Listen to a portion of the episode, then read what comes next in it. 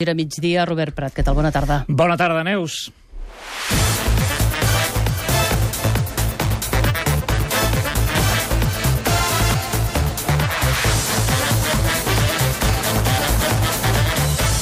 Tot gira migdia. Amb Robert Prat. Comencem a girar en aquest cap de setmana. La millor manera de girar-ho tot i posar-ho tot del revés seria amb una victòria històrica de l'Espanyol al Bernabéu davant el Madrid, i és que l'Espanyol és el rival a qui més ha guanyat el Madrid en tota la seva història. Dels 179 partits que l'Espanyol ha jugat al Bernabéu, n'ha perdut 105, un 60% dels enfrontaments. Eusebio està preparant la manera de guanyar el Barça al Camp Nou. Serà tan atrevit de jugar amb tres defenses al camp del Barça. Qui està ja girat del tot és Svetislav Pesic. Ahir el Barça va perdre el segon títol de la temporada, la Supercopa. I sembla, sembla que aquest Barça tampoc rulla. La Lliga d'Hockey Patins que comença avui, el Barça Vesprem de la Champions d'handbol, el Barça Espanyol de futbol femení, que ha guanyat el Barça, i el Mundial de bàsquet que s'inaugura també avui. Fa 12 anys que els Estats Units no perden cap partit. Doncs bé, tot això són alguns dels arguments d'aquest cap de setmana tan boig que encetem ara mateix. I diem que és molt boig perquè el nostre company Albert Benet es casa avui mateix. Realment una bogeria, no per l'Albert, sinó per la seva parella. Ja pot preparar un embut i posar-se'l de barret de cap per avall. Benet, molta, molta felicitat. A la ràdio se't troba a faltar, però aquesta no és la notícia.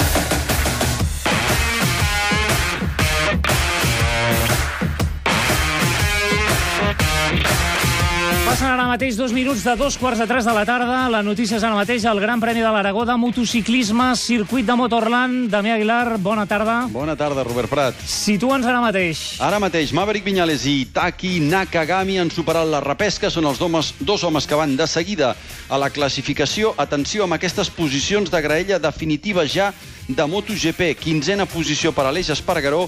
Escolteu bé, 18è Valentino Rossi, 20, 23è Jordi Torres. Tenim ja la primera de les graelles, la de Moto3, Jorge Martín, novena pole position de la temporada, amb Jaume Macià i Enea Bastianini a la primera fila, amb eh, Antonelli, Rodrigo i Canet a la tercera fila, amb Marco Ramírez a la quarta, Albert Arenas a la cinquena i Jeremy Alcoba a la vuitena. Marc Márquez i Jorge Lorenzo, els dos màxims favorits per assolir la pole position aquí a l'Aragó. Veurem de què és capaç Marc Márquez, que ha tingut una caiguda sense conseqüències al darrer entrenament lliure. I per conseqüències, les de Pol Espargaró. Pol Espargaró ha tingut una caiguda en el primer lliure del dia, el tercer s'ha fracturat la clavícula esquerra, la mateixa clavícula que es va fracturar el 5 d'agost al Gran Premi de República Txeca, aleshores no va caldre operar, superarà aquesta tarda, ja ha marxat cap a Barcelona, l'opera el doctor Mir, li posarà una placa amb la intenció de poder córrer al Gran Premi de Tailàndia d'aquí a 15 dies. Vaja, segurament eh, viatjarà pràcticament, eh, ho podem assegurar al 100%. Avui s'ha caigut, aquesta tarda l'operen i qui sap si dilluns Damià eh, tornarà a pujar la moto per començar els entrenaments de cara a aquest Gran Premi de Tailàndia. I és que aquests pilots són diferents, són de goma. Aquesta és la situació ara mateix al Gran Premi de l'Aragó de motociclisme al circuit de Motorland. Però avui, a Madrid, hi ha partit amb majúscules.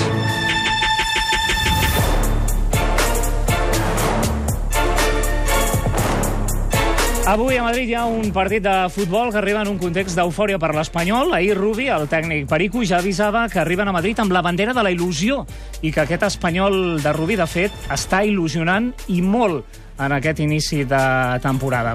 Eudal Serra, Madrid, bona tarda. Bona tarda, Robert. Sergi Andreu, Madrid, què tal? Bona tarda. Bé, molt bé, bona tarda. Eudal, Rubi parlava d'aquesta bandera de la il·lusió que porta l'Espanyol, però també tenia clar que si no es col·locaven bé al Santiago Bernabéu, el Madrid tiraria ràpidament la bandera amb canonades, eh? Doncs sí, ho tenia molt clar. Ell parlava de que han de ser eficaços, han d'estar encertats i sobretot han d'estar ordenats, perquè el Madrid, per més que hagi canviat d'entrenador i per més que ja no tingui l'estrella dels últims anys, Cristiano Ronaldo, segueix sent un equip molt eficaç, com ha demostrat en aquest inici de temporada, a la Lliga i especialment també l'altre dia a la Champions. Per tant, l'Espanyol hi va amb optimisme afrontar aquest partit, però evidentment que ha d'estar molt concentrat perquè sap que si no el Madrid el, li pot passar pel damunt. Mm. Esportivament, l'eix de la defensa amb alguna novetat per la baixa de David López. Sí, és el maldecamp més important, tot i que ahir eh, doncs hi va voler treure ferro la qüestió Rubi i va dir que si no comptaven amb David López havien de mirar la part positiva i potser el jugador que el substituís doncs eh, volia demostrar que es volia guanyar també un lloc i feia un pas endavant, que és el que necessita en aquests moments el plantilla, tenir cada vegada jugadors, amb més jugadors amb els quals pugui comptar Rubi. Jo m'inclino que podria jugar Òscar Duarte perquè és un jugador més preparat, amb més experiència i, a més a més, perquè, perquè és un jugador molt més ràpid per defensar el, el joc del Madrid. Ara Mhm. bé, em queda un petit dubte. Naldo, Òscar Duarte potser. tot just va rebre l'alta ahir i, per tant, eh, caldrà veure si s'inclina per ell o per, per Naldo. En qualsevol cas, un dels dos serà qui farà parella amb Mario Hermoso a l'eix de la defensa. Eh, Eudal Serra, què et diu el Nas? Serà descarat, Rubi, al Bernabéu? Perquè és la seva estrena al Bernabéu. Eh, Sí, sí, sí, és la seva estrena. De fet, ell ha jugat contra el Madrid eh, dues vegades, quan va entrenar al Llevant i quan va entrenar a l'Sporting de Gijón, però sempre com a local. I en aquells partits va haver-hi molts gols i ell reconeix que van plantar cara, però és clar, no és el mateix jugar a casa que jugar al, al Bernabéu. Això per una banda. Després, em queda el dubte de si mm, plantejarà alguna variació tàctica respecte als plantejaments que ha fet eh, fins ara Rubi, tot i que ell ha dit que intentaran tenir la pilota, que intentaran ser gosarats i que no es tancaran al, al darrere. El gran dubte que tenim ara mateix és si aquest equip de Rubi ja està preparat, ja ha fet prou recorregut per avui ser competitiu. Per ell era el més important, demostrar que poden competir al Bernabéu i li poden plantar cara al Madrid. Això ho sabrem a partir de 3 quarts de 9. Eh, Sergi, no hi ha gaires motius per pensar que l'Espanyol s'hi jugui molt avui, perquè no hi té res a perdre, i és que, de fet, l'Espanyol, eh, a la portada ho anunciàvem, ha perdut molt eh, al Bernabéu. És l'equip a qui més ha guanyat el Real Madrid. De 179 partits que s'han disputat al, al Bernabéu, 105 victòries madridistes. Sí, uh, sí, un matís només. Robert, aquests 176 partits Sí. són comptant Bernabéu i, i Camp de I l'Espanyol. Camp de no? l'Espanyol. Mhm. Sí, perquè de Lliga, de Lliga i, i aquí en això tens raó, eh? és el pitjor balanç de la història de duels a la Lliga Espanyola. Compte, de Lliga, amb 84 partits que s'han jugat al Bernabéu entre Madrid i Espanyol, l'Espanyol només ha estat capaç de treure 4 victòries. 4 victòries en 84 partits. Uh, però, compte que si fem una mitjana, veiem que l'Espanyol hi guanya un cop cada 21 partits al Bernabéu. I ara toca, ara toca, perquè ara fa 22 anys que no s'hi guanya al Bernabéu. L'última victòria és de l'abril de l'any 1996, han passat 22 anys, han passat 22 partits, i si agafem, si ens agafem aquesta mitjana que jo ara et feia de victòries per partit, eh, et diria que, que avui toca. Avui toca victòria al Bernabéu, encara que sigui eh, agafant-se eh, aquesta estadística que, si voleu, doncs és una mica forçada. Però bé, tornem a repetir la, les dades. Fa 22 anys, eh? Sí, 22, anys, 22 des de l'abril anys? de l'any 96. 22 anys que l'Espanyol no guanya el Bernabéu. Ho va fer amb Camacho la temporada 95-96, era l'abril del 96. Uh, aleshores al Madrid l'entrenava Arsenio Iglesias. Uh, dos gols de l'Ardín, molt seguits, i un de Raül van deixar aquest 1-2 eh, resultat definitiu aquell dia al, al Bernabéu. D'ençà d'aleshores, l'Espanyol hi ha jugat 22 cops al Bernabéu i només ha estat capaç de rascar 3 empats 19 derrotes i 3 empats en aquests últims 22 partits al Bernabéu. Per tant, l'estadística és desastrosa de l'Espanyol al Bernabéu, que dic jo que algun dia o altre s'ha de trencar aquesta estadística.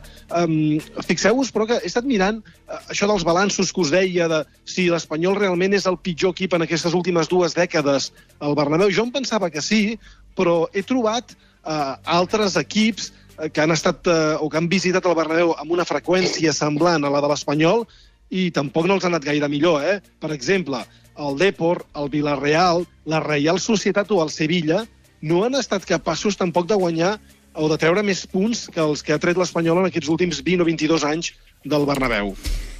A tres quarts de nou al partit, el seguirem al Tot Gira de Catalunya Ràdio, amb l'Eudal Serra, amb el Sergi Andreu des de Madrid, amb el Xevi Siuler, eh, des dels estudis de Catalunya Ràdio en aquest eh, Tot Gira.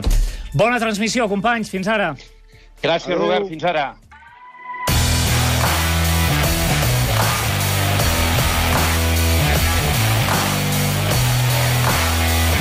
Fent camí cap a les 3 de la tarda, el tot gira a migdia. Si l'Espanyol tindrà avui que superar moltes dificultats per poder guanyar, la fita del Girona està només agosarada que la de l'Espanyol. Ha de guanyar el Camp Nou contra el Barça en la seva segona visita en Lliga en tota la història. Eusebio ja ha guanyat el Barça, però ara ho ha de fer com a tècnic del Girona.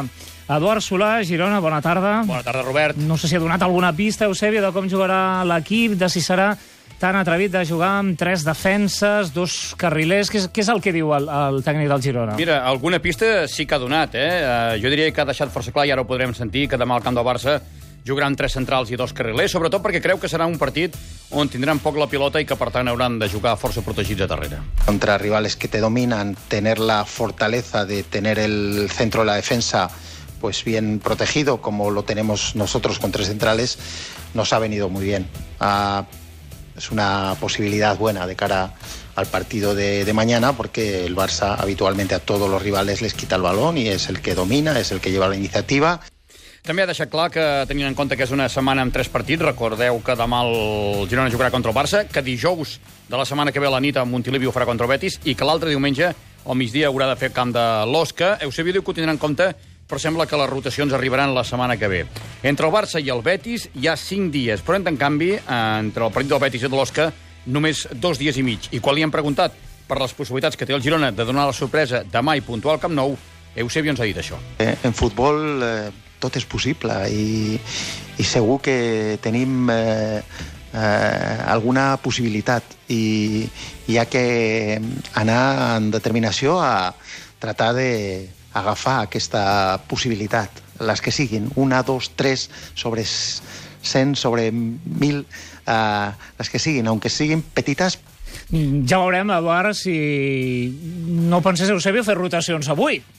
Uh... També seria una possibilitat, eh? De dir, bueno, llancem el partit contra el, contra el Barça i ens centrem en els altres dos. Però sí, vaja. Això ho va fer Machín la temporada passada, sí. però crec que Eusebio jugarà amb l'equip titular demà. Com a molt hi podria haver-hi un parell de canvis. Molt bé. Dèiem que és el segon cop que el Girona jugarà al, al Camp Nou, eh? Sí, uh, com deies l'any passat, va jugar amb atreviment i recordes que va acabar perdent 6-1, tot i que es va avançar Porto, al minut 2 va fer el 0-1. Ara, amb la tranquil·litat que suposa anar al camp del Barça després que el Girona hagi aconseguit dues victòries consecutives i que tingui 7 punts a les 4 primeres jornades, per tant és una bona puntuació, i van sense pressió, però això sí, amb la lliçó apresa, tant per l'atreviment que van tenir l'any passat, com també per la impressió que, eh, que va suposar la temporada passada jugar per primer cop amb molts eh, integrants del Girona per primer cop al Camp Nou.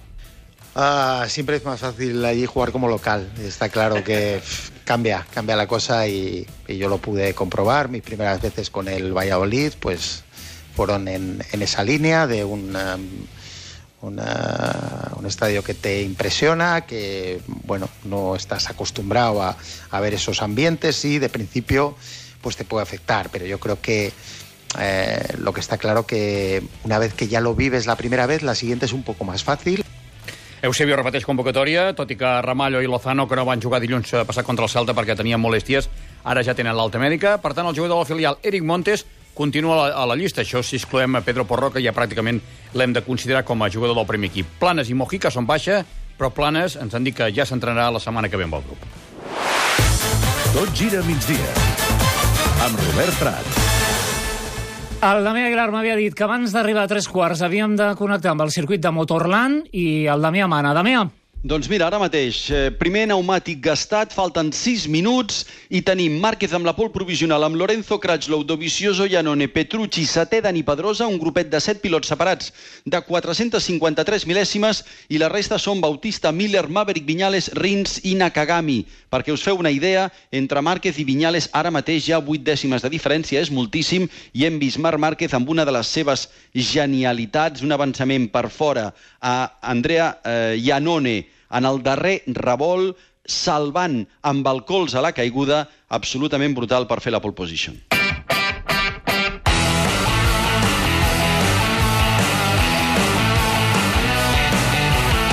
Fa només uns minuts que s'ha acabat a la ciutat esportiva el derbi entre l'Espanyol i el Barça, Lliga Femenina de Futbol. Joan Fitó, Sant Adrià, bona tarda. Bona tarda. Molta superioritat de les blaugranes, 0-3 resultat final. Sí, el partit, perdó, ha tingut dues parts completament diferents pel que fa a eficàcia i encert de cara a porteria. La primera part, l'Espanyol ha estat capaç de frenar totes i cada una de les ocasions del Barça ja ha pogut mantenir el 0 a 0 a base d'un gran treball col·lectiu que per moments ha incomodat i molt el conjunt d'un Fran Sánchez que al final del partit deia això sobre la falta de gol del seu equip. Partint de la base que sempre tenim coses que millorar i que, i que hi ha coses per, per treballar. Crec que l'equip s'ha mostrat eh, amb molta presència en l'últim test de camp i, i crec que això és el positiu. A partir d'aquí, doncs, eh, l'any passat vam ser l'equip eh, màxim golejador de la, de la Lliga, per tant, pólvora en tenim i, com et deia abans, estic convençudíssim doncs, que, que els propers partits eh, marcarem els que no han entrat avui però només començar el segon temps, Inés, en un llançament de córner, s'ha fet en pròpia porteria el 0 a 1, que ha tirat per terra l'esquema que tenia en ment l'entrenador de l'Espanyol, Joan Bacardit. Sabíem que marcar contra Barça era molt difícil, doncs volíem estar tancadetes a darrere i sortir alguna contra, com l'any passat ens va passar, que va Julve va marcar el, el 1-0. Per tant, el partit d'avui per mi és un partit totalment diferent a tots els partits que de Lliga. 0-3, per tant, Joan, el resultat final d'aquest partit. Alguna cosa per acabar, que hem de marxar a la publicitat? Sí, comentar-te que els dos gols restants del Barça els han marcat Anastàcia nou al minut 73 i Mariona Caldenteny ha sentenciat el 81, deixant el 0-3 aquest final en el marcador. Fem una pausa per la publicitat i l'Ernest Macià ens explicarà què passa al Barça de bàsquet. Ha tornat a perdre, segon títol de la temporada. Això és el que escoltes quan tens una gotera a casa. I això és el que escoltes quan preguntes si la teva assegurança envia un lampista. Doncs no. És millor que confis en un expert del Corte Inglés Seguros. Aquest mes amb fins al 25% de descompte en la superassegurança de llar. El Corte Inglés Seguros. Segurs no, seguríssims. Al món.cat hi trobaràs una àmplia oferta de màsters i postgraus. Consulta al món.cat i troba el que t'encaixa. Impulsa la teva carrera. Amplia els teus horitzons. Al món.cat. Després d'una gran victòria contra el Celta, necessitem el teu suport pel proper repte. Vine a veure un partidàs. Girona-Betis el dijous 27 a les 10 de la nit. Agafa entrades ara a gironafc.cat abans que s'esgotin. Recorda-te'n, Girona-Betis dijous 27. Vine a gaudir del millor futbol a Montilivi. T'esperem! Tot gira migdia. Amb Robert Prat.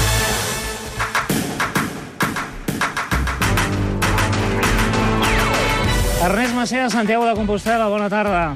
Bona tarda. El Barça es va mereixer l'eliminació ahir d'aquesta Supercopa de bàsquet? Ho direm al revés, direm que el seu rival va mereixer guanyar, perquè el Bascònia va anar per davant pràcticament tot el partit, llevat del principi, i després és veritat que el Barça va reaccionar, i podem dir que no només va maquillar el marcador, sinó també la imatge i les sensacions fins i tot poden ser bones, per tant, és una derrota dolça, però també és veritat que és pretemporada, i també és cert que el Bascònia, m'ho va dir el Pedro al final del partit, no havia fet pràcticament scouting del seu rival. Per tant, el nivell de coneixement del Bascònia sobre el Barça és inferior al que el Barça té sobre el Bascònia, perquè el Barça té molts nous fitxatges i el Bascònia en té menys, en té molt pocs. I per tant, doncs, en, intueixo que no tot serà com ahir, és a dir, que al Barça li costarà més aixecar 20 punts de diferència en, si això es dona en propers partits contra aquest Bascònia. Està preocupat Pesic? Uh, Sí, Pesic, eh, bé, preocupat. Ell deia ja abans de començar que això era un partit de pretemporada, tot i que és el primer torneig oficial, per tant, pots imaginar-te que per ell la temporada comença dijous que ve contra el Gran Canària. Però sí, sí, era crític, escolteu-lo. En primeros 20 minutos no jugamos baloncesto, solo reaccionamos, sobre todo en segundo cuatro, donde no estamos uh, en campo. También rebotes defensivos, ellos 10 of rebotes ofensivos en segundo, sobre todo en último cuatro. Cuando ellos no podrían meter, tenía segundo, segundo tiro. Doncs això és el Bé, per que tant, deia eh, Pesic, Ernest. Sí, eh, és a dir, ell era molt crític, però eh, eh, la veritat és que, tot i que el Barça ha perdut els dos primers títols de la temporada i, a més a més, eh, un d'ells oferint molt mala imatge a la Lliga Catalana, aquí ho hem arreglat una mica més, però aquest Barça encara està lluny del que crec que pot donar, perquè el Barça té millor plantilla del que molta gent es pensa, però com que fa temps que estem submisos en aquesta depressió col·lectiva, segurament costarà d'aixecar-ho. De totes maneres, com dèiem, dijous que ve comença la Lliga, avui la plantilla ha marxat ja de Santiago de Compostela, però es queda un jugador, Kyle Courage, que a partir de les 7 de la tarda intentarà guanyar el concurs de triples. Si ho aconsegueix o no ja ho veurem, perquè s'enfrontarà contra un jugador que aquí l'estimen molt, perquè va jugar l'any passat a Obradoiro. Per tant, veurem. Però Kyle Courage aspira almenys a deixar el pavelló del Barça el més al possible. Madrid, Obradoiro, aquesta és la final. Derrota dolça, ens diu l'Ernest Macià del Barça, en aquesta depressió col·lectiva en què estem tots ara mateix en aquest escenari, en aquest panorama de l'equip de bàsquet del Futbol Club Barcelona. La notícia ara mateix al circuit de Motorland, Aragó, Damià Aguilar, endavant. Ara mateix, bandera de quadres, els pilots que amb el segon pneumàtic alguns han perdut el temps, Márquez s'ha dedicat a vigilar Dovizioso i la majoria a treure's de darrere la paparra anomenada Andrea Iannone, que és segurament el millor follower de MotoGP i si va al darrere et pot arruïnar la roda. Ara mateix sí, volta ràpida i Iannone o Márquez poden aconseguir aquesta pole position, també Petrucci, però estan arribant ja al eh, tercer sector d'aquesta darrera volta. La pole la té Márquez amb Lorenzo Crutchlow i Dovizioso en les quatre primeres posicions. Márquez que està seguint de prop eh, Andrea Dovizioso, també Jorge Lorenzo, que s'afegeix al grup amb caiguda de Cal Crutchlow i Lorenzo que podria tenir-la Márquez. Ara mateix no millorarà el seu temps, tot i que té la pol provisional. Dovizioso no millorarà el temps i Lorenzo podria fer-ho per mil·lèsimes. Aviam de què és capaç Jorge Lorenzo en aquests eh, darrers moments per eh, veure si pot eh, pujar de la segona a la primera posició, a punt de creuar per la línia de meta. Ara mateix Andrea Dovizioso amb la pol, l'ha aconseguida, la pole position en el darrer moment Andrea Dovizioso, Dovizioso amb la pol, aplaudeixen al box de Ducati, Lorenzo la pol, Lorenzo li ha pres les dues Ducati Shell al davant de Marc Márquez, li ha pres Dovi, li ha pres Lorenzo, Lorenzo 14 mil·lèsimes sobre Dovizioso, Dovizioso 79 mil·lèsimes sobre un Marc Márquez que, insistim, amb el segon pneumàtic s'ha dormit una mica. Aquesta és la primera fila, Lorenzo Dovizioso Márquez, la segona Crutchlow, Janone Pedrosa, la tercera Petrucci Bautista Rins, la quarta Miller, Viñales i Nakagami. Us hem explicat abans que Aleix Espargaró sortirà des de la cinquena, Rossi des de la sisena i Jordi Torres des de la vuitena. Montse Mir, bona tarda. Bona tarda. Comença l'hoquei Lliga masculina amb el Barça com a defensor del títol, amb novetats pel que fa als descensos, també modificacions al reglament. A més, la competició comença amb un plat fort.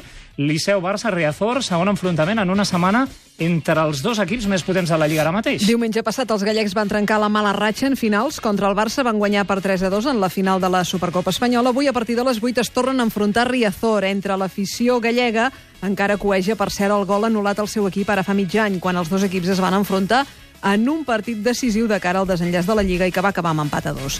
Això i l'eufòria per la victòria a la Supercopa podrien fer que, tot i que Riazor en general és un pavelló fred, hi hagi més ambient que l'habitual entre els seus aficionats. Els dos equips, per cert, mantenen els blocs de la temporada passada al Barça hi ha dues cares noves, Nil Roca i Joao Rodríguez. Al Liceo l'únic fitxatge és el jove argentí Facundo Bridge. I la gran novetat d'aquesta temporada, la Lliga d'Hockey Patins, a l'Hockey Lliga, és que baixaran quatre equips. En comptes de tres, com fins ara, i només en pujaran dos. Això significa que la temporada que ve l'Hockey Lliga masculina quedarà reduïda a 14 equips, cosa que permetria poder recuperar el play-off per al títol que allargaria l'interès en la competició. Els quatre descensos són, però, un hàndicap per als equips més modestos, com per exemple els que han pujat aquesta temporada.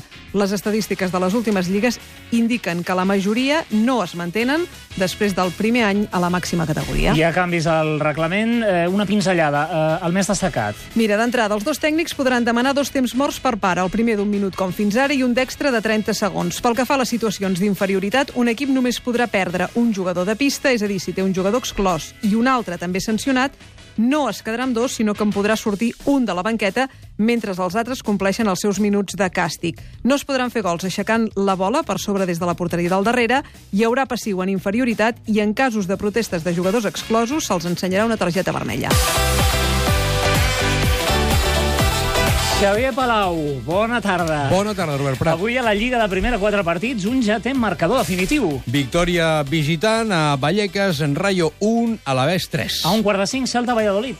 A Balaïdos, Mohamed haurà de retocar la defensa per les baixes d'Hugo Mallo i Gustavo Cabral. El Valladolid hi arriba amb el tècnic Sergio González, renovat per la nova cúpula encapçalada per Ronaldo Nazario. Això sí, el gran deute pendent pels castellans és marcar el seu primer gol a la Lliga. I a la mateixa hora, Ibar Leganés. I Purua rebrà un equip esperonat amb l'empat al Wanda Metropolitano i al davant tindrà el pitjor equip fins ara a la Lliga, Cué de primera Leganés, amb un punt de 12 possibles. I a dos quarts de set, Getafe, Atlètic de Madrid. Els locals han tingut un començament de Lliga espectacular, amb 7 punts de 12 possibles. Bordalàs és ara venerat al Coliseum. Al davant un Atlètic de Madrid que és a 7 punts del Barça i a 5 del Madrid, primer i segon respectivament, i això que només han jugat 4 jornades. Simeone recorda que això acaba de començar i que les notes es posen a final de curs. El campeonato es muy largo, la gente es normal que opine, que hable, y la realidad, ustedes saben bien dónde está, está en el final, y todo esto es un camino donde obviamente va a haber cosas buenas, no, no cosas tan buenas. Coses buenas, coses no tan buenas i coses bones. Torna la Champions Handball. Parlem d'handbol, parlem amb el Ramon Salmurri, bona tarda. Què tal, Robert? Bona tarda. Pràcticament sis mesos després de la desfeta contra el Montpellier, el Palau, l'equip de Xavi Pasqual, torna a la gran competició a casa contra el Vespre Mongarès, un dels grans d'Europa, segona jornada de la Champions. El Barça en aquest grup, ja ho hem comentat, el grup de l'amor, amb certa obligació d'aconseguir la victòria després de la desfeta en la primera jornada a la pista del Rhein Neckarlowen. Sent l'estrena a casa i amb el caseller de punts encara zero, el partit d'avui és capdalt en les aspiracions del Barça dins del grup de l'amor de la Champions. És cert que és molt aviat, però començar amb dues derrotes pot ser una llosa força feixuga. Víctor Tomàs, el capità, ahir al tot costa.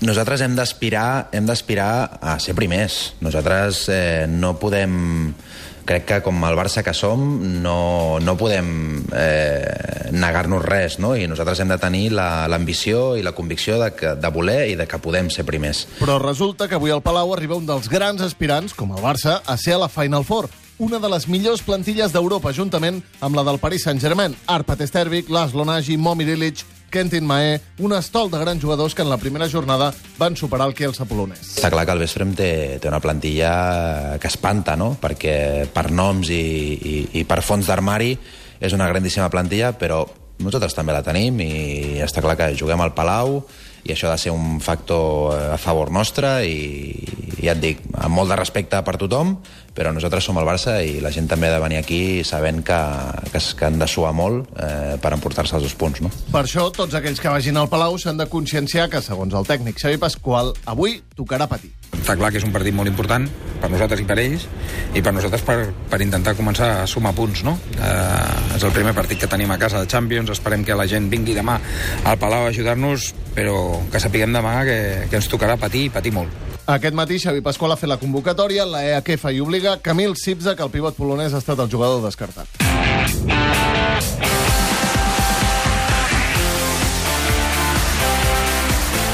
Dos minuts i arribem a les 3 de la tarda. Comença el Mundial de Bàsquet Femení que es fa a Tenerife, als Estats Units. L'actual campiona del món, Xavier Palau, és la selecció no clarament favorita, sinó... El següent. Extremadament favorita per guanyar I aquest Mundial. et diria, Robert, que la selecció nord-americana a dia d'avui no té rival, almenys des de fa 12 anys, que són els que fa que no perden cap partit. Són les actuals campiones del món i dominen amb molta comoditat el palmarès de la competició. Han guanyat 9 vegades per 6 l'antiga Unió Soviètica. Fa una dècada que també dominen les cites olímpiques. Amb la primera posició virtualment assignada, la lluita se centra en quines dues seleccions les acompanyaran al podi, com a segona i tercera. Hi ha un ventall de 4 o 5 seleccions que hi opten. El Canadà, França, Austràlia i també Espanya, que és l'actual campiona d'Europa. Lucas Mondelo, el seleccionador espanyol, preveu partits molt igualats. Es que va ser el mundial más igualado de los últimos eh, décadas, seguro, con un nivelazo. Canadá viene con todo, que hace, una, hace 15 años que no lo hace. Y, y bueno, es lo que hay, o sea, capaces de ganar a cualquiera, pero cuidado, muchos equipos también nos pueden ganar. En aquesta selecció hi ha cinc representants catalanes, la més veterana, Laia Palau, amb 39 anys, segurament afrontarà el seu últim compromís amb la selecció. També hi són Marta Xargai, Caral Casas, Sílvia Domínguez, que finalment s'ha recuperat d'una lesió, i Anna Cruz. L'objectiu per part de l'Espanyol és repetir els èxits de les últimes grans competicions i repetir, si és possible, una medalla Robert en un Mundial. Doncs n'estarem pendents d'aquest Mundial de bàsquet. Avui comença amb aquest clar favorit als Estats Units, però amb una selecció espanyola, amb jugadores catalans, que també té possibilitats, com a mínim, d'intentar lluitar per la medalla de plata en aquest Mundial. En waterpolo avui es juguen les semifinals de la Supercopa masculina. Aquestes semifinals es disputen a la piscina del Sant Andreu, a la Pere Serrat. Derbi barceloní a la semifinal a les 7. Barcelona, Atlètic Barceloneta, el gran favorit per aconseguir el títol, l'Atlètic Barceloneta, i Derbi Vallèsà, l'altra semifinal que enfronta l'Astralpool Sabadell i el Terrassa a partir de les 9. Nosaltres fem ara un break molt petit, una pausa de 3 a 4 i a les 4 ens hi tornem a posar el Tot Gira avui amb el Xevi Soler. Fins ara, adeu-siau.